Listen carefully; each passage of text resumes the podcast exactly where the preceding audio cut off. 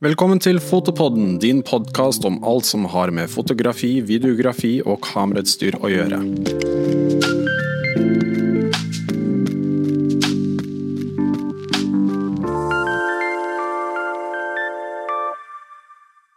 I fjor hadde vi besøk av Thea Einarsson, som for tiden lager en dokumentar om jenter i den kreative bransjen. En av jentene hun følger, er regissør Emilie Beck, som har bygd opp en imponerende karriere med prisvinnende kortfilmer, dokumentarer og reklamefilmer. Hun var også programleder i serien Stuck, hvor hun møtte barnebruder i Asia og Latin-Amerika gjennom to sesonger. Velkommen, Emilie. Takk. Veldig hyggelig at du kunne komme hit i dag. Ja, det var hyggelig å komme. Eh, vi kan jo gjerne begynne på starten. Ja. Eh, hvordan var det du fant ut at du ville bli regissør, drive med film og drive med produksjon og fortelle slike historier som du forteller? Åh, da må jeg gå veldig veldig langt tilbake. Eh, Jeg tror jeg var sånn syv-åtte år eh, og var, har alltid vært veldig glad i film. Eh, Fascinert av film og TV. Og vært nysgjerrig på hvordan det lages og hva som er bak. ikke sant? Eh, Alltid var den som så bakom-filmer etter DVD-en var ferdig og eh, VHS-en og håpet at det kom tabber og ikke sant? alle de tingene der. Um, og så var det veldig naturlig at det, siden det er skuespillere man ser på film, så var det jo det jeg veldig gjerne ville bli. da. Ja. Eh, for å få en tilgang til dette universet som jeg var så interessert i. Så jeg begynte på teater. eh, håpet på å bli oppdaget. eh, ble ikke det. så da tenkte jeg da måtte jeg ta den saken i egne hender. Så da eh, sendte jeg masse brev til castingbyråer. Og jeg bodde jo i Tønsberg, så det er jo en reisevei da, å komme seg til Oslo som åtte-niåring. Men jeg skulle få det til, da. Og etter mange år så fikk jeg svar fra et av castingbyråene. Kjersti Paulsen, som fortsatt eh, holder på. Og hun eh, hadde spart på brevet eh, og lurte på om jeg ville komme på audition. Og da var liksom Det var jo helt fantastisk å få lov til å være med på det. Kom jo ganske langt, men fikk ikke den rollen. Men hun sa liksom sånn Emilie, du må ikke gi opp, du må fortsette. Og så tenkte jeg ok, da må jeg jo bare fortsette, for dette her er jo noe jeg har veldig veldig lyst til. Og så ble det en del eh, roller innenfor reklame og film og kortfilm. Um, så begynte jeg på skuespillerlinje på Danvik folkehøgskole i Drammen. Og um, kjente kanskje på et tidspunkt at uh, det var veldig mange ufortalte kvinneroller. Uh, og ofte de jeg fikk audition-tilbud om, det var liksom The Girl Next Door. Eller em, venninnen eller kjæresten til hovedrollen. Ikke sant? Veldig mye sånne sideroller. Sikkert, Eh, veldig mange sidekarakterer. Og da eh, ble jeg litt sånn fader heller, hvor vanskelig skal det være å liksom Fins det noen Pippi-karakterer der ute? Eller noen Charlies Angels? Eller eh, Ja, så da tenkte jeg jeg må begynne å skrive ting selv. Ja. Um, planen var jo hele tiden å kaste meg selv, men så likte jeg mye bedre å være bak. Så da ble det bare til jeg begynte å lage kortfilmer sammen med de vennene mine fra Danvik, og så eskalerte det da Mm. til det. Mm. Og så jeg ser for meg at det er jo veldig mange som har den type historien. At de liksom de har lyst til å bare de, ser, de vet ikke helt hva de har lyst til å drive med når de ser film. Altså det var jo for meg også, Jeg hadde lyst til å bare drive med det. Ja. Jeg vet ikke hva det var sånn egentlig, men du, som du sa, du ser bare de foran kamera. Og så finner du din rolle etter hvert. Og tenker at bare ok, men det er mye mer interessant å gjøre den og den delen der, da. Um, og så, ja, etter skole Du gikk jo på i Lillehammer også, gjorde du ikke det? etter det? Ja. Jeg gikk et år i USA først, eh, for jeg tenkte at eh, det kan ikke være mulig at jeg skal klare å leve av film. Og det ble bare en hobby hele tiden. Eh, Så jeg tenkte kanskje foto og design, kanskje det kan være noe. Så gikk jeg et år i USA. Men jeg ble hele tiden dratt tilbake til filmen. da, skrive manus og, og liksom det visuelle med og det å kunne fortelle en historie med, med både musikk og med klipp og med skuespillere. Ja. Jeg var fortsatt veldig veldig fascinert av det, så jeg endte opp med til slutt å bare Nei, Emilie, det er film du skal drive med. Um, og da hadde jeg laget Det var vel én og på vei inn i andre kortfilm. Så hadde jeg lagd to kortfilmer da jeg søkte på filmskolen, på regilinja. Og ble helt knust da ikke jeg kom inn der. Um, og da søkte jeg på dokumentarlinja isteden, for jeg tenkte at hvis du kan dokumentar, da kan du fortelle historier. For da har du liksom så mange ytre omstendigheter som endrer ting og setter liksom historien din på prøve. da. Um, så hvis jeg lærer meg det, da, da, tror jeg at jeg blir en bedre historieforteller. Så kom jeg inn på dokumentar på TV-skolen på Lillehammer, som er bare lillebror, holdt jeg på å si, eller over gangen på filmskolen. da. Ja. Eh, og gikk der og fikk, eh, fikk en bachelor i dokumentarregi. Eh, så det var jo eh, veldig, veldig lærerikt. Og opp igjennom de årene, det var da jeg gjorde støkk også, da. Ja, ikke sant. Eh, oppå det. ja. Um, jeg stusser litt tilbake på det du sa med at uh, man ikke At man bare regner med at man ikke kan leve av å lage film. Mm. Uh, siden det var også noe jeg hørte veldig mye da jeg hadde lyst til å drive med dette her. Og fikk fortalt det veldig ofte. Og så ligger det liksom litt i hodet ditt også. Men jeg bare lurer på hvorfor, Har du en teori på hvorfor det ofte er sånn at unge folk tenker at det ikke er noe du kan leve av? Ja, det er jo veldig mange om beinet. Det er jo kanskje hovedsakelig greia. Og så er det jo ofte sånn at Eh, folk ser på det som en hobby. Eh, det å lage film skal jo bare være gøy, og man leker, på en måte. Så hvorfor skal du få godt betalt for det? Og i det hele tatt, liksom, kan du ikke bare gjøre det? Det er jo bare moro. Og, og hvis ikke du uh, gjør det, så er det vel sikkert noen andre som står i kø for å ta den jobben. Um, så det, det, virker jo veldig eksklusivt da, for mange å få det til. Uh, og så må du være veldig utadvendt på giversiden for å liksom selge inn deg selv som eh, det yrket du vil ha, da, om det er fotograf eller om det er regissør eller eh, klipper eller ikke sant. Det, det, er jo Du må ha det nettverket, og du må komme deg inn, da. Eller som mm. alle sier, få den foten innenfor. Eh, som jeg har fått høre hele tiden. Ja, med en gang du får det nettverket og den foten innenfor, da begynner jobbene å komme. Um, og det er jo et par nettsider der ute som legger ut jobber. Men ellers så er det veldig sånn telefoner, anbefalinger. Ja. Ja. Veldig mye. Det er veldig mye sånn at folk sitter liksom rundt på kontoret og så bare roper de ut 'Kjenner vi noen som mm. kan ta bilde på lørdag?' eller noen sånne ting. Ja. Og så Det er bare sånn jobben blir tatt. Ja. Det, er, det, er, veldig få jobber som faktisk blir lyst ut mm. sånn ordentlig. Da, det på en måte, da har de gått gjennom hele nettverket sitt, og så legger de ut. da. Så det er som du sier, det er veldig vanskelig å på en måte komme inn i bransjen, men mm. etter hvert så vil det jo lettes opp. Jeg tror det er veldig sånn at eh, de fleste som jobber profesjonelt, sier jo egentlig veldig ærlig at det er veldig vanskelig mm, å mm. komme inn. Og som du sier også, det er veldig mange som søker på alle jobbene som blir mm. tilgjengelig.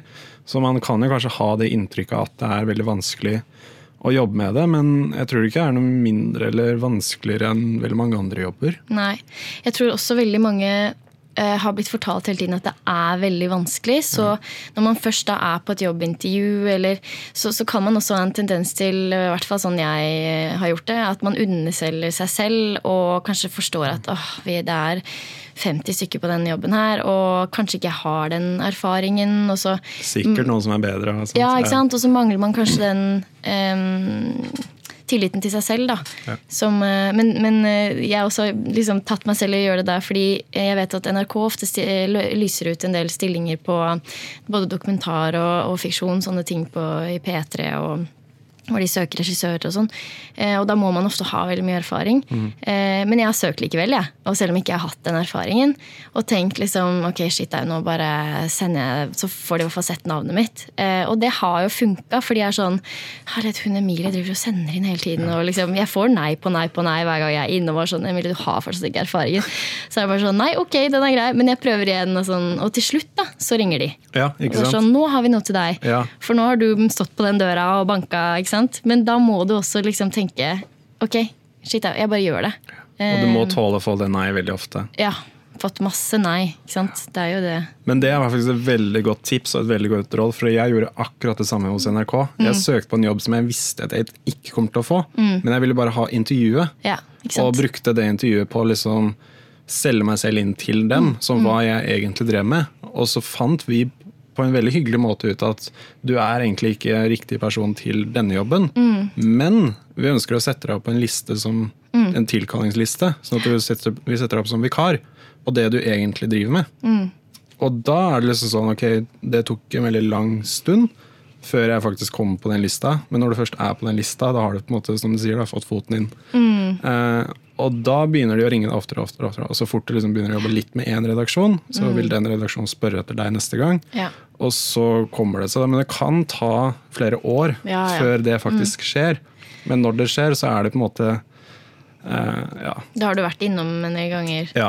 Og da Ja. har du den erfaringen som du da neste jobbintervju kan du gå og si jeg har den erfaringen, Ja. faktisk. Mm. Det er ikke noe at dere må bare stole på meg. på en måte. Altså, NRK er jo også veldig internbasert. De liker jo å ha de menneskene de kjenner til. Så derfor er det jo viktig. Men det er jo også litt sånn med veldig mange andre også, så, så handler det jo om det at du må liksom Du må også eie tittelen din, da. Til- Selv om sant, jeg har nå kanskje i ett eller to år turt å si at jeg er regissør. Da. Eh, og jeg vet også det kan være et problem andre veien, at man kaller seg det for tidlig. Så det er jo mange unge som kommer rett ut av eh, skolen og er sånn ja, men jeg gjør bare regiting.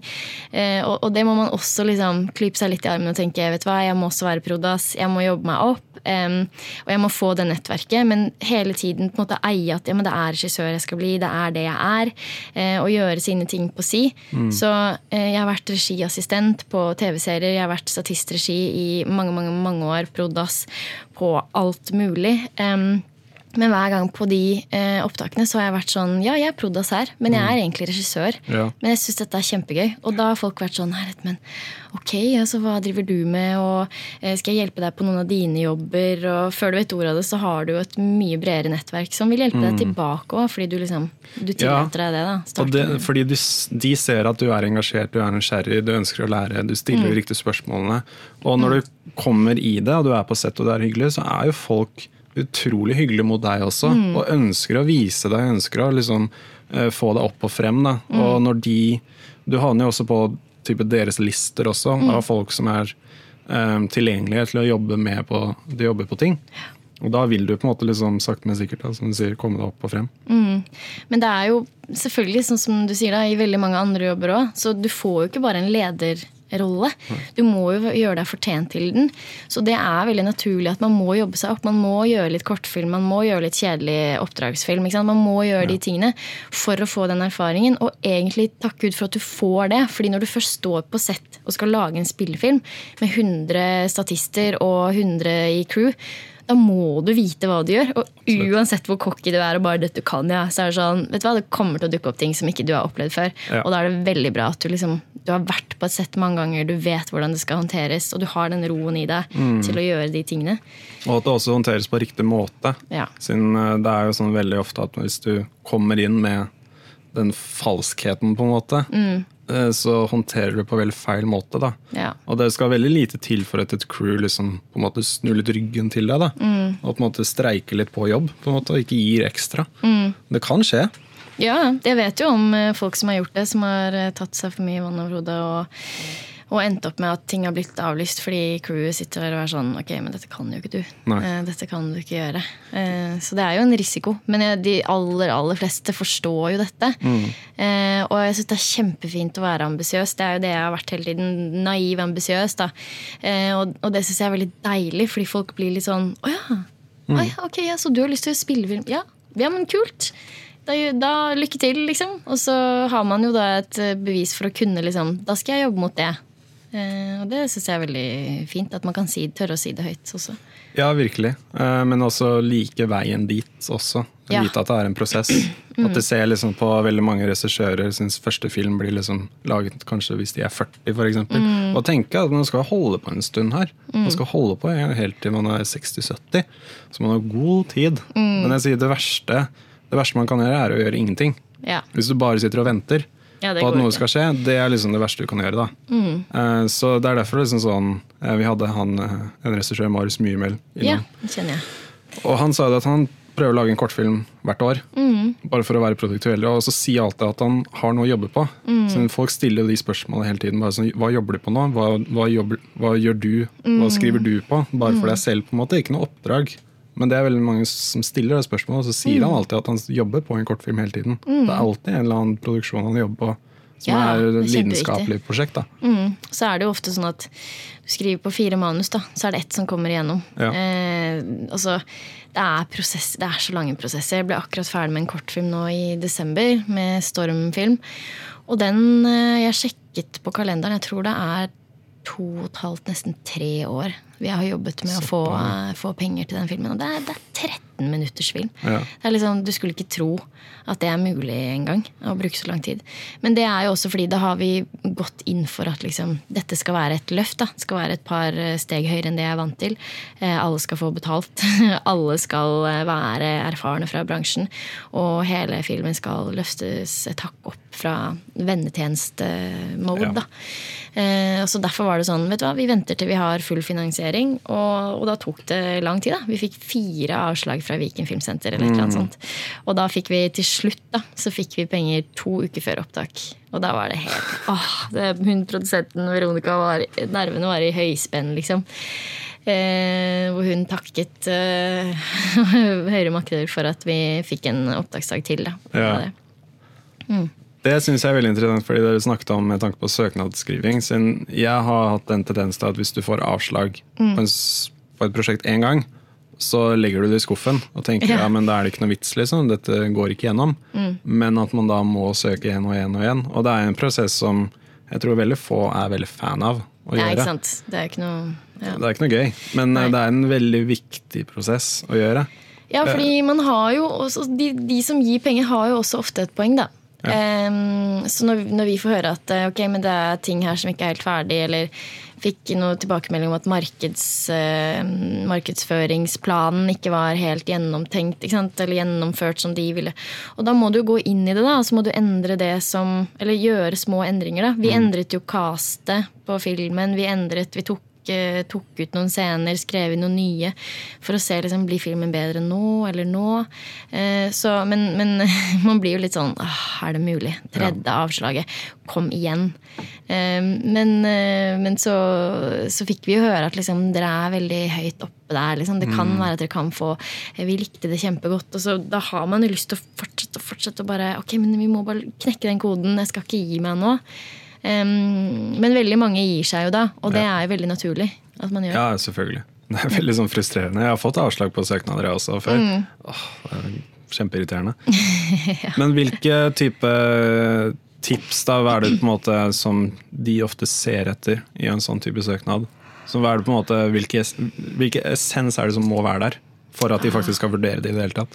Ja, ja, altså, det er jo forskjellig for både Filmsenteret og, og NFI og alle. ikke sant? Det er, det er jo forskjellige folk som vurderer det hver gang. Um, men det må jo være noe som snakker til dem, da. Som eh, ofte med kortfilm, så det er jo enda vanskeligere uh, å lage en god historie på eh, ti minutter, kvarter. Så det, det, det lønner seg jo å ta for seg en veldig konkret hendelse, eller noe som er Dette kan funke på ti minutter, da. Eh, ofte så skal man jo ha inn et dødsfall og sant, sykdom og alt på ti minutter. Det er jo helt umulig. Det liksom, Man vil pakke inn alt, da. Ja. Eh, men det er ikke nødvendigvis en spillefilm i en kortfilm. Så da kan man jo si ok, da skal jeg bare gjøre en scene. da. Det er jo sånn jeg har begynt med de siste åra. Et par ganger i året så samler jeg en filmgjeng, og så skriver jeg en scene. Og så, eh, skri, så filmer vi den. Ja. Og så får jeg øvd meg på regi og klipp, og så får alle vært med. Og så er det jo gøy, da. Så ser vi jo liksom komedie. Ja, det var veldig vanskelig, for eksempel.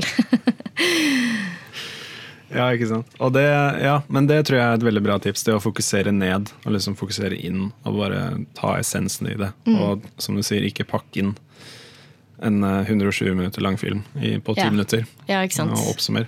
Eh, Det jeg tror som er veldig viktig, og som jeg tror de også har sagt flere ganger, er gjennomføringsevnen. gjennomføringsevnen. Det å bevise at du faktisk klarer å gjennomføre dette på et profesjonelt nivå. Ja. Og det sa jo Marius også mye om. Det som han sa at eh, du må egentlig ha laget nesten hele filmen før du faktisk filmer den, for å vise at du faktisk klarer å lage den. Uh, og de trenger bevis på at du klarer å gjøre det. Eh, og det er jo veldig ofte at de ikke vet noe om deg, vet hvem du er. eller noen sånne ting. De ser kanskje på tidligere filmer, men hva betyr det? Det betyr ikke alltid så mye. da. Så gjennomføringsevne er også veldig veldig viktig, og der kommer ja. erfaringen din også. Da. Og da er det som du sier, veldig viktig å bare en gang iblant bare produsere noe, teste ut, ja. se om det funker og sånne ting. Ja, så Vise at du er allsidig. Og det som vi gjorde med meg for at jeg skulle få den støtten til den filmen, det tror jeg også var at eh, det ble et sånt talentutviklingsprogram da, som Stormfilm gjorde. Mm.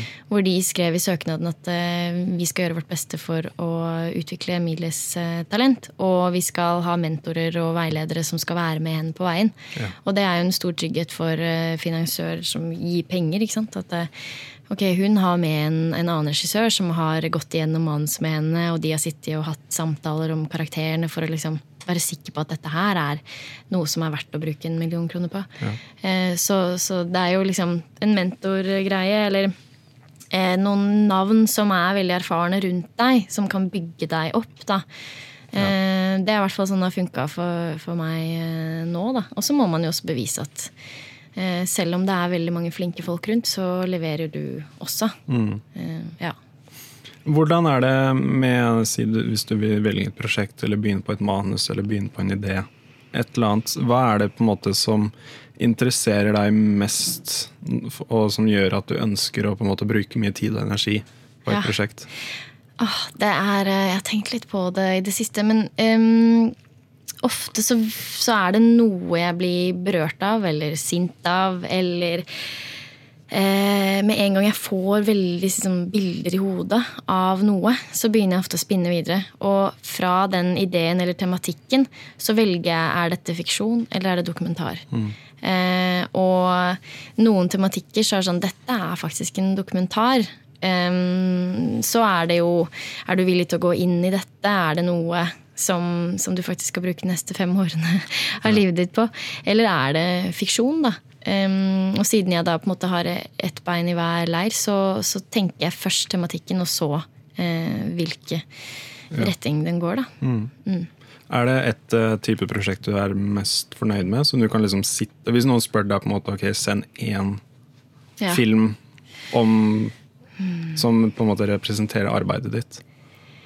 Nei, det er vanskelig, fordi jeg er veldig stolt av Stuck-serien. Eh, men der har jo ikke jeg hatt regi selv. Jeg var jo foran kamera, men jeg mm. tok jo veldig del i liksom følelsene og situasjonene. Og jeg har jo på en måte jeg har mine egne tanker og spørsmål som, som har drevet mye av serien. Mm. Um, men jeg kunne jo aldri gjort noe så stort uh, nå. Jeg har jo ikke denne erfaringen. Um, og så har jeg vært med å gjøre regi, korregi, på um, en eh, dokumentar på NRK som heter 'Da vinden snudde'. Mm.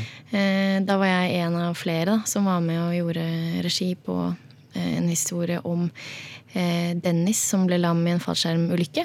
Og så har læreren seg da Han nekter for å være lam, så han mm. klarer å finne en måte å reise seg opp på. Og målet hans er da å hoppe igjen, da. Så det er jo en veldig sånn type heltehistorie, sånn gladsak, på en måte. Mm, men det er jo fiksjonen jeg har mest fokus på nå. Ja. Um, og Nei, jeg har jo liksom gjort forskjellige, forskjellige typer ting. Men, men, akkurat det prosjektet jeg holder på med nå, er vel kanskje min, mitt største mm. barn. da. Ja. Det er det du kommer til å bli mest stolt av? Ja, jeg, jeg tror det enn ja. så lenge. Eh, fordi jeg føler jeg har lært veldig veldig mye de siste to årene. Mm. Um, og så produserte jeg en eh, novellefilm på en halvtime for, i 2016-2017. Eh, og når jeg ser tilbake nå, så den sitter veldig bra, men det er, historien er liksom ikke der jeg ønsker at den skal være. Mm. Um, den skulle vært mer effektiv, og, og, når jeg liksom Nå har jeg veldig lyst til å liksom gå ut og vise på nytt hva jeg kan få til. Da. Ja, ja. Hva jeg har lært. Mm. Kult. Nei, jeg gleder meg til å se det. Ja, vi får se. Den serien her er, den er i utvikling hos eh, NRK Drama nå. Ja. Eh, vi vet jo ikke hvor langt den eh, kommer, om den blir produsert i det hele tatt. Men vi har en veldig god følelse. Og det mm. er en stor dramaserie på åtte episoder. Så da er det plutselig et ganske stort sprang igjen, da. Fra en ja. halvtime til åtte ganger 50 minutter. Ja, ikke sant? Eh, Så der igjen da, er det kjempeviktig å ha liksom, etablerte folk og flinke mennesker rundt deg som vet eh, hva de gjør. Da. Mm. Og der blir jo alt diskutert og Ja, sett spørsmål på og sånne ting. Da. Så der er det, man er jo veldig gode hender i sånne produksjoner. ja, Eh, jeg tror man kan ha en tendens til å tro, i hvert fall på starten, jeg tror det er i hvert fall jeg, at liksom, du må på en måte være ekspert på alle feltene. Men det er jo ikke nødvendigvis sånn. Du må liksom bare kunne jobbe med de flinkeste folkene og kunne formidle din visjon og inspirere dem litt. Og hvis du klarer det, så er jo de med på laget ditt. ja, ja, ja. Det er jo kjempeviktig at du har folk som heier på deg Mm. i produksjonen og vet altså, at de er med fordi de vet at du kan få det til. Da. Det er jo kjempeviktig. Men Mm. så er det jo liksom sånn Det å lage serier er veldig nytt i Norge. Eh, Vi vet jo fortsatt ikke helt hva en serieskaper er. Eh, Det kan være så mangt. Så der også handler det om å liksom mm, Jeg tenker at eh, vi må, vi må bli flinkere på å forstå det, da. Eller alle er i den læringsfasen nå. Mm. Til og med de erfarne er liksom sånn Ok, men hva er det en selskaper gjør? Skriver den, eller regisserer den? Begge? Ingenting? Ja, så, så det er jo liksom Jeg føler jeg famler litt i blinde mm, sammen med veldig mange andre. Og så må man bare ta ett og ett skritt for å se hva det blir, da. Ja, så det er liksom, man kan jo eh, nå til og med sett NRK bare tester eh, ideer. Og yeah. Bare ser om det funker på nett-TV-en, og så bare legger de de sånn som den Herman Flesvig-serien. Yeah. Og to episoder på 11 minutter Er per episode. gjort, ja? ja, ja, de bare to episoder. Ja. Mm. 11 minutter per episode. La oss se om dette funker. Ja. Og så funka det veldig veldig bra, da. Så da plukket de opp serien. Mm. Ah, så nå skal de lage åtte episoder til, tror jeg. Men det var liksom sånn, de kan gjøre det nå da, på Ja. TV og bare legge det ut. og bare sånn, ja, Kanskje det er respons, kanskje ikke. Og så bare, hvis det er det, så er det kult. Og det er veldig nytt, Mm. Ja. føler jeg. At liksom sånn, tror de bare sånn, legger egentlig ut pilot, piloten på nettet og ser om det tar av. Ja, ikke sant? Men det er jo heldigvis da noe man kan gjøre hvis det er sånne korte, små snutter. Ja. 50 minutters eh, blir vel kanskje litt vanskeligere. Ja, det Eh, blir da- litt annerledes. ja. men, men det er veldig kult at de gjør det, og det er jo så mange flater man kan eh, dele innhold på nå. Mm. Og da blir jo innholdet mer og mer viktig.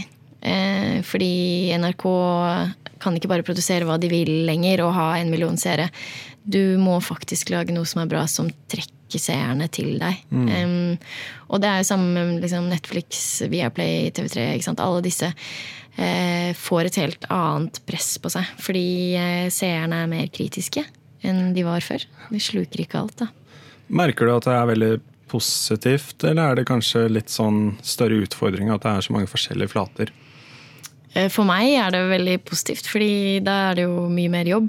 Ja, det er litt det jeg tenker. At for, for Ja. fotografer og regissører og folk som jobber med dette, her, så er det veldig positivt. Ja, det det, er, jo det er jo aldri- mange flere jobber. Ikke sant? Det er nettopp det. Det har jo aldri vært så mange jobber innenfor TV som, som nå, og de vil jo produsere det veldig fort. Eh, Det er jo også et problem, fordi det er jo ikke bærekraftig å få et helt eh, crew til å jobbe natt og dag for å få ferdig noe som kanskje burde brukt et par måneder til. f- Bare fordi at man skal produsere og ha innhold, innhold, innhold.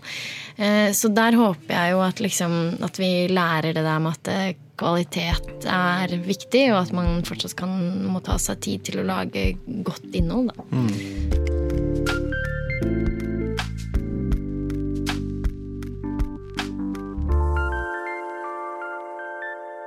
Hvordan vil du si at du er som en regissør når du filmer?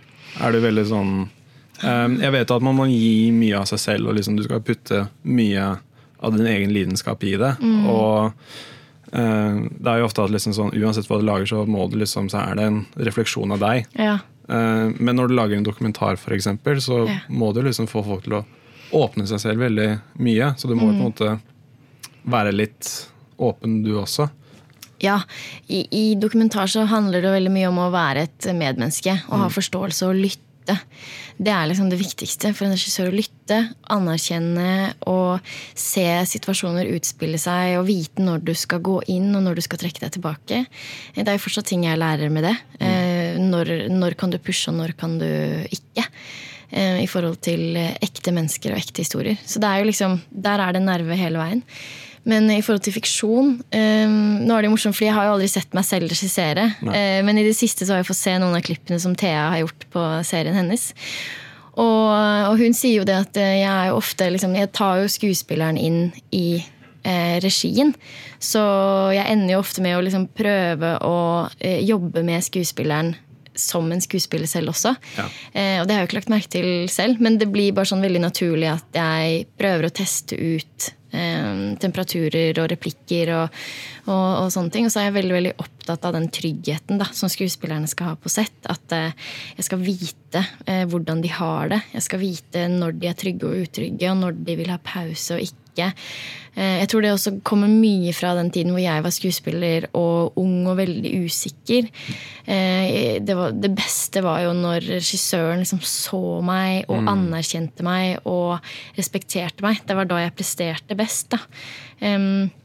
Så jeg prøver å ta med meg det inn i regien. Og liksom skuespillerne for meg er det viktigste fokuset. Eh, sammen med dokumentaren så er de medvirkende mine viktigste personer. Og jeg backer de 100 uansett. Eh, fordi de trenger eh, at regissøren gjør det.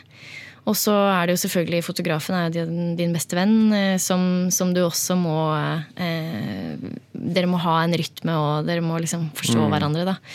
Så, men, men, jeg elsker jo å være på, på opptak. Så jeg føler jo at jeg har som regel veldig mye energi og er veldig glad fornøyd. Men ja, vi har jo berger og daler, holdt jeg på å si. Ja, ja. Og jo, det har jeg også liksom lagt merke til litt. At noen regissører tar jo også den oppgaven å være på en måte den gledessprederen for hele mm. settet. Fordi det er jo på en måte at regissørens visjon som skal ut, og alle jobber for. Mm. Og han må, liksom, må jo da måte vise at de også setter pris på det. Og vise at mm. liksom sånn eh, Ja, vise takknemligheten ut da, og sånne ting. Mm. Og da jobber jo folk mye mer og vil, liksom, vil deg mye vil deg vel, da. Mm. Ja, regissøren setter jo tonen, på en måte, for ja, hele settet. Akkurat, ja.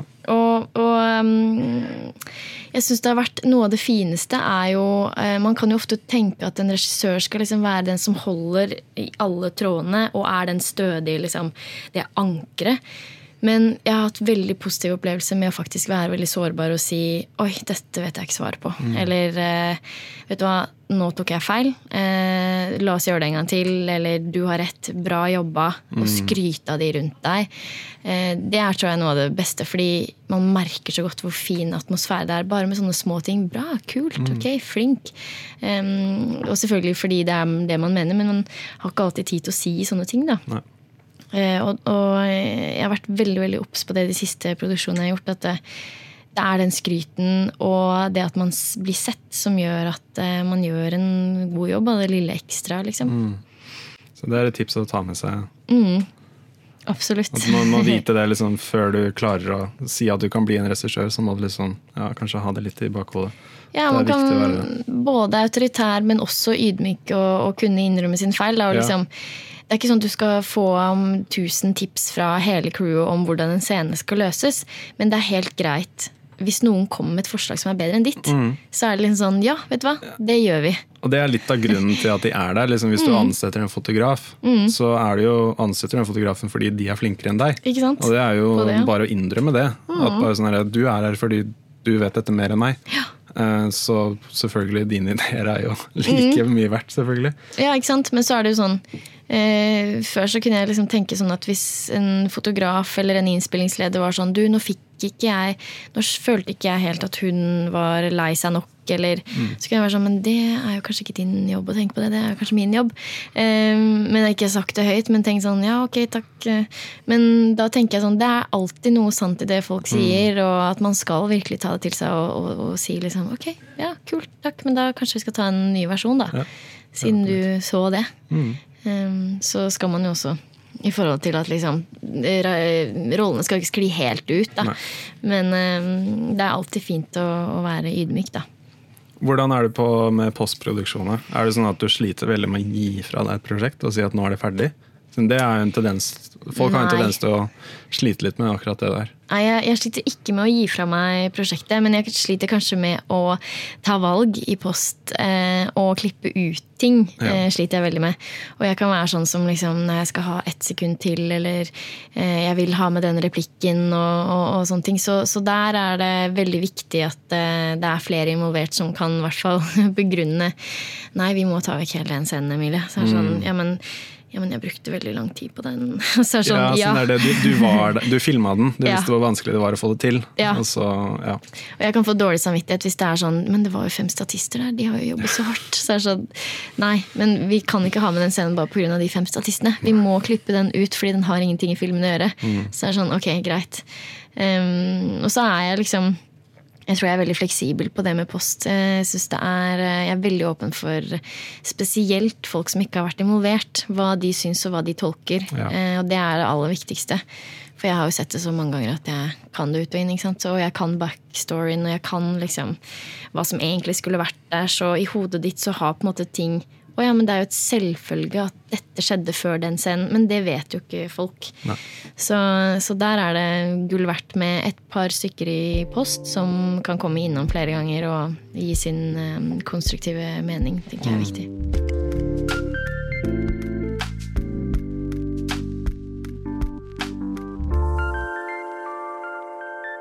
Ok, Det var jo en uh, artikkel som ble delt uh, veldig mye i en periode, som du også delte, som jeg leste etter det, og som var fra Rune Nilsen. Han snak- Han snakket om uh, dumskapen som dyrkes, da, og så tok han Ex on the Beach som et eksempel, og liksom Ja. alle de type influenserne og sånne ting. Det, er, det er en artikkel som virkelig er verdt å lese, og vi linker til den under beskrivelsen. Den handler jo om hvordan dumhet, Botox og sex blir satt i rampelyset på TV. Og han spør jo hvorfor det ikke blir fokusert mer på eh, arbeidsomme, samfunnsengasjerte, ambisiøse ungdommer i stedet, og historier som mye mer fortjener den type fokusen. Da. Og er det noe som på en måte frustrerer deg litt? Så du lager jo veldig ofte eh, filmer og, og sånt om temaer som er veldig viktige å sette fokus på. Men så det, blir liksom rampelyset tatt av eh, Ja. reality-deltakere. jeg, jeg, blir, jeg må jo være helt ærlig og si at jeg blir veldig provosert av det. Eh, Jeg skjønner jo at det er eh, en sånn sjokknyhet hvor eh, folk elsker å se dumme mennesker, holdt jeg på å si, og, og uintelligente eh, utsagn på, på TV. Eh, og sexceller, det vet vi jo. Men jeg syns det er veldig trist at eh, i samfunnet nå så speiler det også ungdommen som ser på. Eh, og at eh, de får eh, rollemodeller som ikke nødvendigvis er veldig sunne for sitt eget selvbilde. Og det er det jeg syns er veldig trist. fordi hvis det skal være så utseendefiksert, og det at man skal på en måte idolisere mennesker som, som egentlig liksom burde helst gått til psykolog istedenfor å vært på TV, så tenker jeg kanskje at ja, det er jo også produsentene sitt ansvar og, eh, liksom Vi skal jo ikke lage 10 000 av disse programmene. Men samtidig så skjønner jeg jo at dette her selger. Det er masse seere.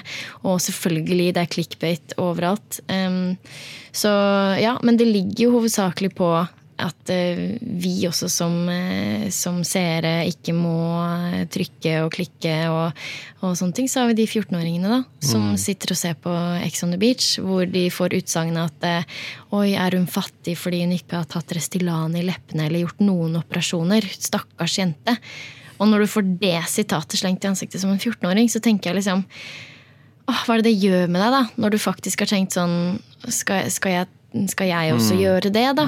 Fordi da jeg var ung, så Eller da jeg var Ja, det, det er jo faktisk eh, Det begynner å bli noen år siden og vi bare så i blader, ikke sant, Topp og alle de der, og, og, og da var det jo kjendiser som hadde tatt eh, operasjoner. ikke sant? Men det var jo Hollywood. Det var så langt unna oss. Så det var en helt annen greie. Men nå er det, sånne, nå er det folk du kan møte på gata. ikke sant? Det er kjendiser som plutselig spiser på samme restaurant som deg. Det er mye mer tilgjengelig enn det det var før.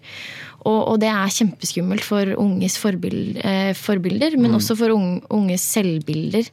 Um, og når det er så tilgjengelig for så mange, og vi i tillegg har dette flink pike-syndromet, prestasjon, generasjon prestasjon, så tenker jeg at det kommer til å oppstå ganske mange tilfeller av psykiske sykdommer og, og depresjoner og angst fordi man aldri blir perfekt, da. Rett og slett. Ja, nei, det, jeg er helt enig i det du sier. Det er absolutt veldig sånn frustrerende at det blir satt i rampelyset. Og jeg har jo snakket med flere folk i bransjen, de vet jo selv også, de er klar over dette her. At bare sånn her, den type produksjon her er liksom ikke Jeg tror det er veldig få av de som faktisk genuint har lyst til å lage det. Men de bare sånn, det er enten det eller ingenting. Sant? Så det er sånn, De blir liksom satt i et hjørne. Hvor liksom sånn, ok, men Vi får bare liksom kjøre det safe da, Ja. og ta en sesong til av det programmet som gikk bra i fjor. Ja, for de vet jo at eh, kidsa ser på det, ikke sant? Og det er snakkiser og Men det er liksom, det er jo en ting å produsere det, men å produsere spin-offer med forskjellige versjoner av kjendiser, og det at mediene skaper eh, disse forbildene og kaller de på en måte kjendiser. Det er litt det.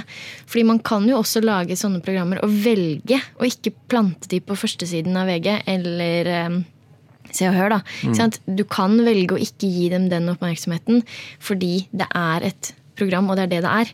Eh, men, men når det kommer alt i tillegg, ikke sant? Eh, og disse følgerskarene og alle mulige eh, Firestjerners middag, og så skal de plutselig på liksom 71 grader nord, og så, skal de, så er det en influenseversjon her og der, og da, da blir jo det egoet bare fyrt opp. ikke sant? Så den generasjonen som vokser opp nå, er en ekstremt narsissistisk generasjon hvor alle lærer at jeg er viktigst, og det er jeg som skal klare å gjennomføre ting. Og Det er meg, meg, meg, meg. Og alle kan få til ting. Og det er jo det man sier òg. Jeg sitter jo og sier det selv. Du kan få til ting alt hvis du vil. Du kan bli alt du vil. på en måte. Men så er det også farlig med det der at du må også huske på alle andre rundt deg. Og du må også huske på at liksom det er, det er ikke bare deg alt handler om. Det er eh, for at ting skal gå rundt. ikke sant? Jeg som regissør kan jo ikke bare være regissør alene. Jeg trenger jo et helt team rundt meg for å få laget en film. Så derfor er, også er jeg veldig sånn Jeg sier aldri at jeg har laget en film. Det er vi, fordi det er jeg og mange andre. Eh, og jeg kunne aldri gjort det på egen hånd. ikke sant? Nei, nei. nei, det er veldig mange sånne profiler også, som reality-stjerner og sånt. Det er jo veldig ofte det er jo, som du sier, det er teamet bak som gjør veldig mye av jobben. Og liksom sørge for at de blir fronta på den måten de blir fronta på.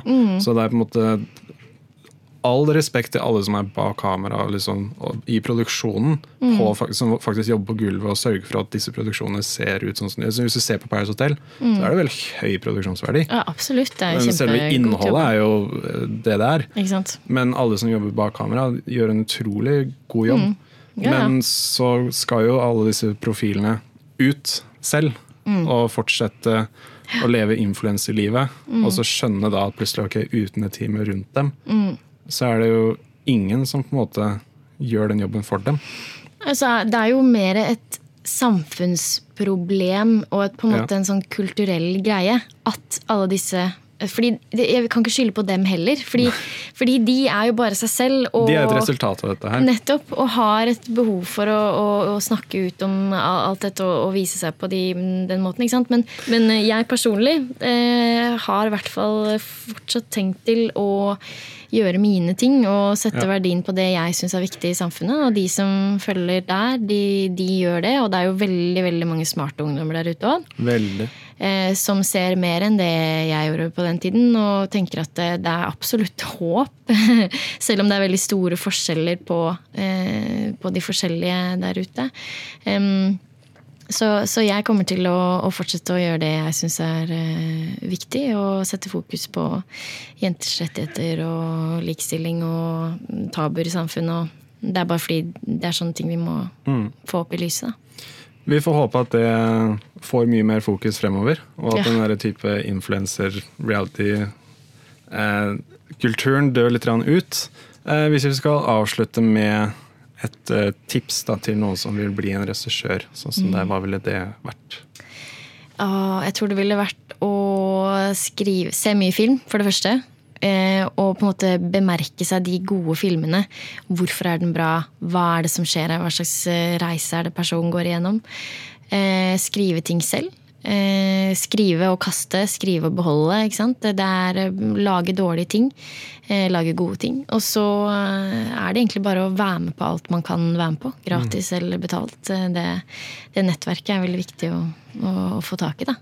Absolutt. Så ja, det er vel egentlig det. Og å være, være eh, ivrig og positiv. Mm. Det er liksom det. Veldig bra. Veldig bra. Eh, vi har en liten spalte på slutten som heter Ukens anbefalinger.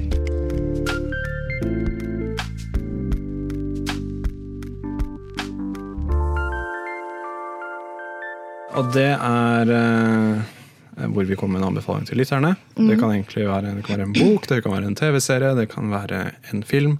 Eh, Det kan være en regissør, det kan egentlig være hva som helst. Har du noe du ønsker å anbefale lytterne denne uka? her? Eh, jeg tenker jo at eh, jeg jobbet selv på serien 22. juli. Eh, den kom i går. Så jeg tenker at eh, 22. juli på NRK det er en serie som er veldig viktig å se. Selv om det kan være litt ubehagelig, så, så er den veldig veldig rørende og sterk. Så den burde folk se. Absolutt, den skal jeg ta og sjekke ut. Mm. jeg ønsker å anbefale en bok. eh, 'Factfulness' heter den. Av Hans uh, Rosling. Det er jo mye drama, flom og katastrofer som også blir fokusert på i nyhetene. Eh, men det denne boka gjør, er at den tar fakta, statistikk og historie som viser at selv om det fortsatt er mye jobb i verden for å gjøre verden et bedre sted, eh, og det er mye for hvert som skjer der ute, så blir det gradvis bedre. Denne boka beviser det han prøver å formidle ut, er at arbeidet som blir gjort der ute, eh, formidlingen som blir gjort, og utdanning i fattige land, hjelper. Selv om du kan ha en tendens til å føle at det ikke hjelper, fordi det blir liksom ikke rapportert om. Men allikevel så er det faktisk eh, ikke helt hjelpeløst, og det er fortsatt håp der ute for å få verden til å bli et bedre sted. Så den boka er veldig bra. Den er veldig bra skrevet også. Han var veldig veldig flink til å skrive den. Så jeg anbefaler å sjekke den ut. Emilie, tusen takk for at du kom hit og snakke med oss i dag. Takk for meg. Eh, Så ønsker vi deg lykke til videre. Vi gleder oss til å se alt du kommer til å produsere fremover. Ja, jeg òg. Og så takker vi for oss, og så ses vi neste uke i en ny episode.